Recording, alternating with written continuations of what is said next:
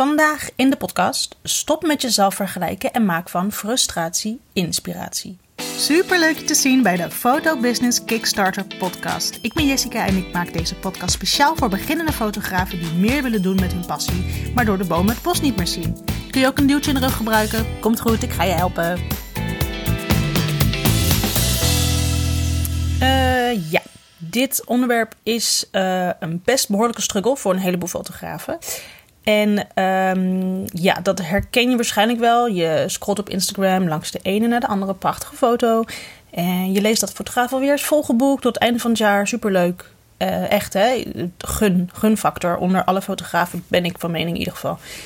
Maar het geeft je niet echt een lekker gevoel.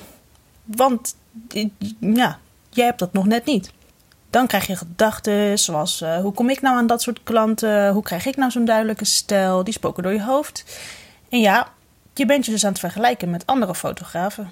En op zich hoeft dat niet een probleem te zijn, maar vaak genoeg zijn die gedachten die je daarmee oproept niet erg motiverend. En weet je, geloof me, echt, zelfs ervaren fotografen ervaren dit ook echt nog vaak genoeg. Het maakt je zo onzeker en nog vervelender, het vreet energie. En ondanks dat je weet dat het niet goed voor je is, gebeurt het toch wel weer vaak vanzelf. Eh, wat je dan maar het beste kan doen, is leren ermee om te gaan. In deze podcast wil ik jou gaan vertellen hoe je uh, niet per se hoeft te stoppen met het vergelijken met anderen, maar hoe je dit kunt omzetten tot inspiratie in plaats van frustratie. Oké, begin eens met het maken van een lijstje van fotografen die je bewondert. Want uh, als je dan toch naar andere fotografen kijkt, noteer dan diegene eventjes waar je vaak bij stilstaat diegene waar je telkens op terecht komt. Ehm, maar in plaats van jezelf te gaan vergelijken, gaan we ze anders bekijken. Er is namelijk iets dat je aanspreekt en dat gaan we opzoeken.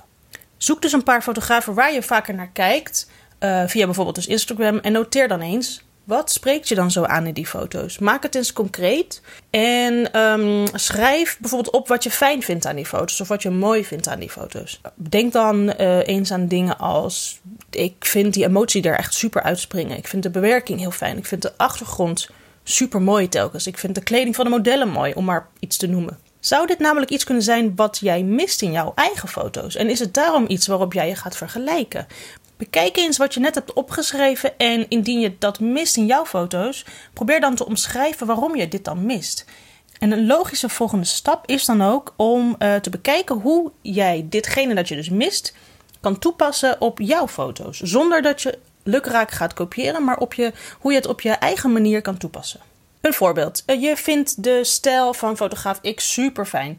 Um, ben jij dan nog op zoek naar een goede stijl passende in jouw foto's? Laat je dan eens inspireren en ga op zoek naar een stijl die bij jou past. Of maak dan die stap af als jij er nog niet helemaal was. Uh, ga eens na wat je nog mist in je foto's, waardoor jouw stijl dus beter gaat passen bij je. Of vind je de achtergrond en de omgeving bij fotograaf Eijen zo ontzettend mooi? Zorg dan dat je daarmee gaat experimenteren en zoek andere locaties om bij te shooten. Ik doel met deze podcast vooral op de mindset die je hebt. Je kunt bijvoorbeeld denken: wauw, wat maakt die mooie beelden? Dat gaat me echt nooit lukken. Hoe dan? Dat kan ik niet. Ga ik nooit kunnen. Maar zo kom je er natuurlijk nooit. Het is niet een mindset die je gaat laten groeien. In plaats daarvan moet je op zoek naar manieren waarop je kunt krijgen wat zij krijgen. Want zij zijn ook ergens begonnen. Wat ik natuurlijk wil benadrukken is gewoon het feit dat uh, het vergelijken met andere fotografen onvermijdelijk is. Dat ga je hoe dan ook een keer doen. Ga, dat, dat, dat heb je al gedaan. Dat ga je nu doen. Dat ga je in een later stadium doen.